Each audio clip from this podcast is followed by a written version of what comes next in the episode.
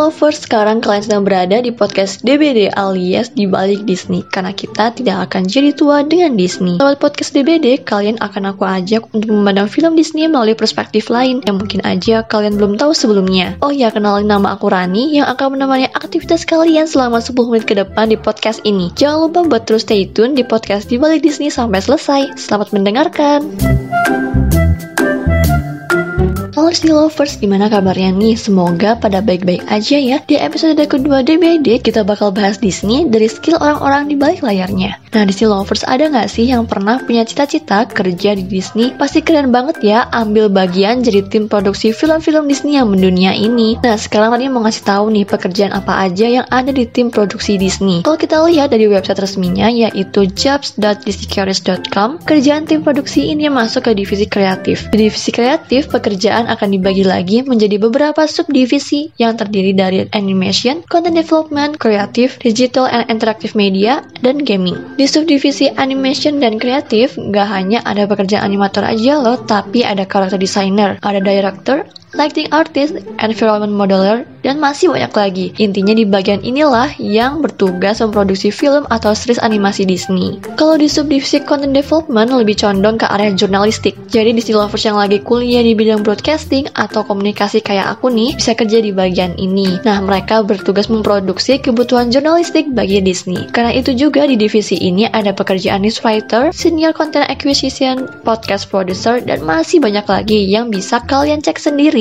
di website resminya. Nah, Disney Lovers tahu nggak sih kalau kita yang berada di Indonesia ini bisa loh mempelajari skill yang diperlukan karyawan Disney atau bahkan kita juga bisa memproduksi karya animasi dari Indonesia. Hmm, gimana ya caranya?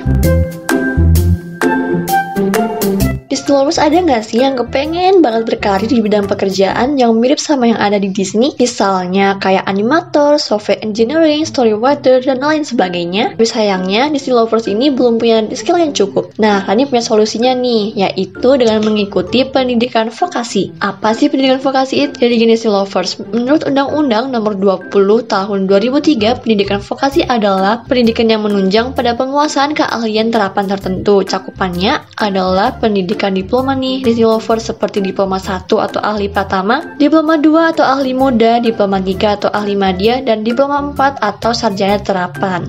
Kenapa sih harus di pendidikan vokasi? Nah, Disney Lovers, output utama dari lulusan vokasi adalah menciptakan lulusan yang siap kerja. Karena itulah kurikulum lulusan yang disiapkan juga berorientasi pada dunia kerja yang berbasis praktek. Jadi jangan heran kalau Disney Lovers masuk ke pendidikan vokasi, Disney Lovers bakal banyak ketemu sama yang namanya praktikum dibanding teorinya. Walaupun begitu, siswa pendidikan vokasi akan lulus lebih cepat dibandingkan siswa pendidikan akademik lainnya seperti sarjana. Nah, tadi tadi sempat singgung sedikit kan tentang cakupan pendidikan vokasi masih ada D1, D2, sama D3. Nah, angka-angka itu adalah tahun belajarnya. Jadi masa belajar D1 adalah selama setahun, D2 selama 2 tahun, dan D3 selama 3 tahun. Jadi kesimpulannya, keuntungan paling besar ikut pendidikan vokasi adalah lovers akan cepat lulus dan dibekali dengan ilmu praktik yang mumpuni. Oke, mungkin di sini di lovers masih ada yang bingung ya sama pendidikan vokasi. Salah satu pendidikan vokasi yang familiar di telinga di lovers adalah SMK atau Sekolah Menengah Kejuruan. Seperti yang kita tahu, SMK ini adalah salah satu pendidikan formal di Indonesia.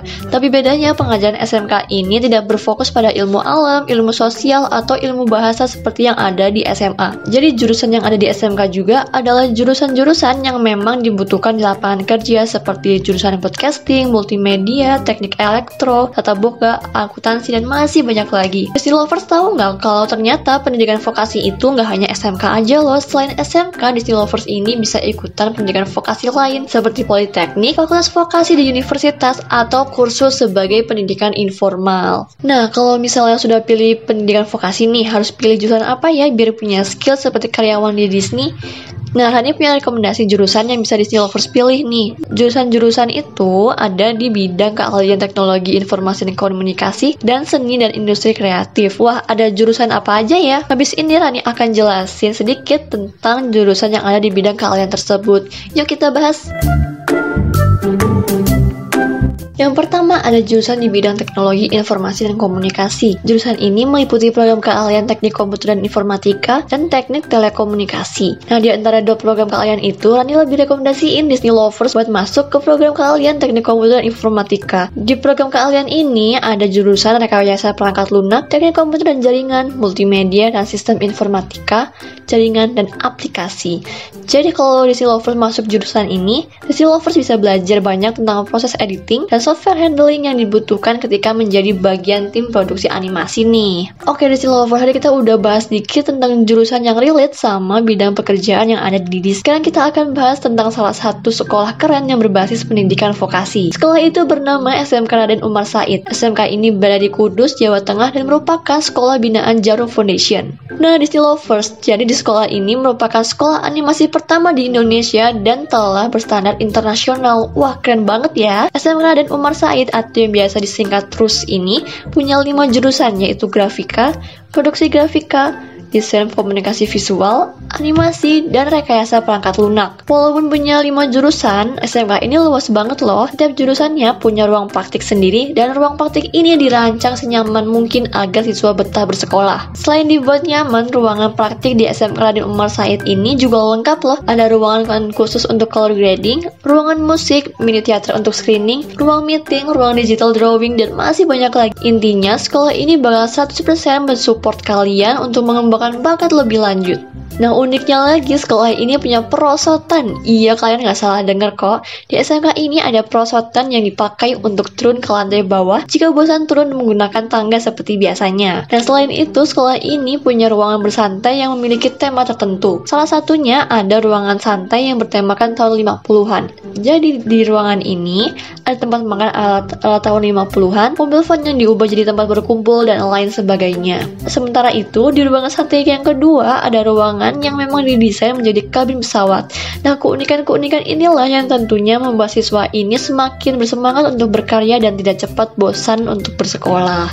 Nah, di sini lovers, tau gak sih ternyata di SMK Raden Umar Said juga punya guru yang bekerja di Disney loh yang bernama Woody Woodman. Woody Woodman adalah seorang storyboarding illustration director. Beliau sering mengadakan masterclass di SMK ini secara virtual dan real time. Jadi meskipun secara virtual, siswa dan Woody Woodman ini bisa saling berinteraksi. Gimana Disney Lovers? Kayaknya mewah banget ya sekolah ini. Tapi Disney Lovers percaya nggak sih kalau SPP di sekolah ini sebulan hanya 200 sampai 400 ribu aja loh.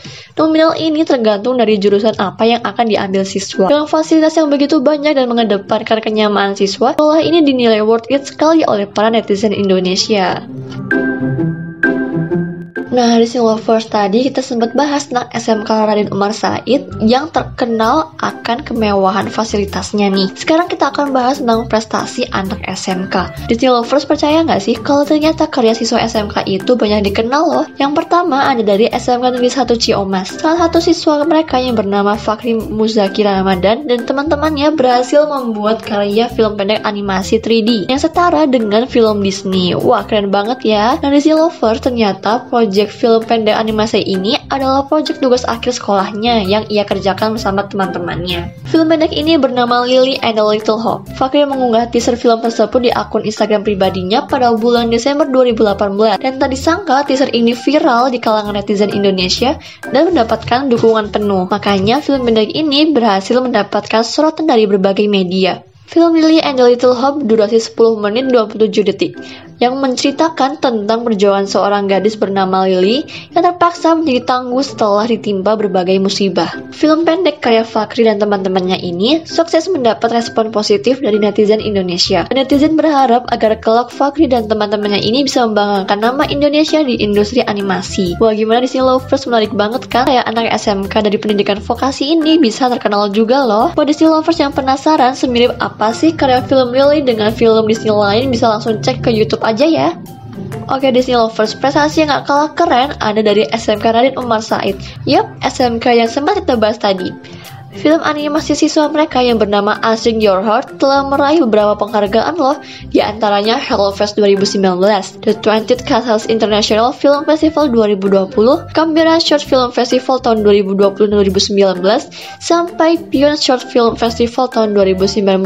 Wah gimana di Lovers? Keren banget ya mereka meraih 5 penghargaan internasional loh.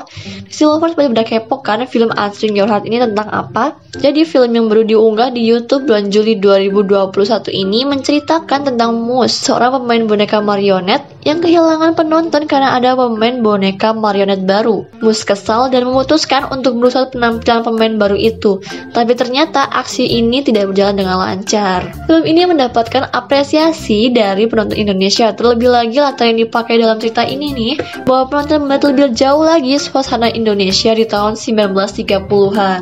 Nah, di sini Lover sama seperti film Lily and a Little Hope ternyata ada adalah bagian dari Project Based Learning siswa SMP Raden Umar Said. Nah, Project Based Learning ini mirip sama tugas akhir dan diharapkan Project Based Learning bisa menjadi portofolio siswa yang nanti digunakan ketika mencari kerja. Gimana nih single lovers? Keren banget ya prestasi siswa SMK itu. Hal ini jadi bukti kalau pendidikan vokasi ini kualitasnya nggak main-main loh dan bahkan karya mereka bisa mengharumkan nama Indonesia. Gimana Disney Lovers jadi tertarik kan buat ikutan pendidikan vokasi? Ternyata meskipun berbasis praktikum, pendidikan vokasi ini nggak bisa dipandang sebelah mata loh. Bahkan prestasi mereka ini mengagumkan banget ya. Bahkan prestasi mereka ini mengagumkan banget ya. Nah Disney Lovers ternyata udah lama juga ya Rani bahas tentang hubungan skill yang dibutuhkan di bidang pekerjaan yang sama seperti Disney dan pendidikan vokasi. Sekarang saatnya Rani pamit dari podcast DBD alias di balik Disney episode kedua. Terima kasih banyak sudah mendengarkan podcast ini sampai selesai selesai. Jangan lupa follow channel ini dan sampai jumpa di episode berikutnya.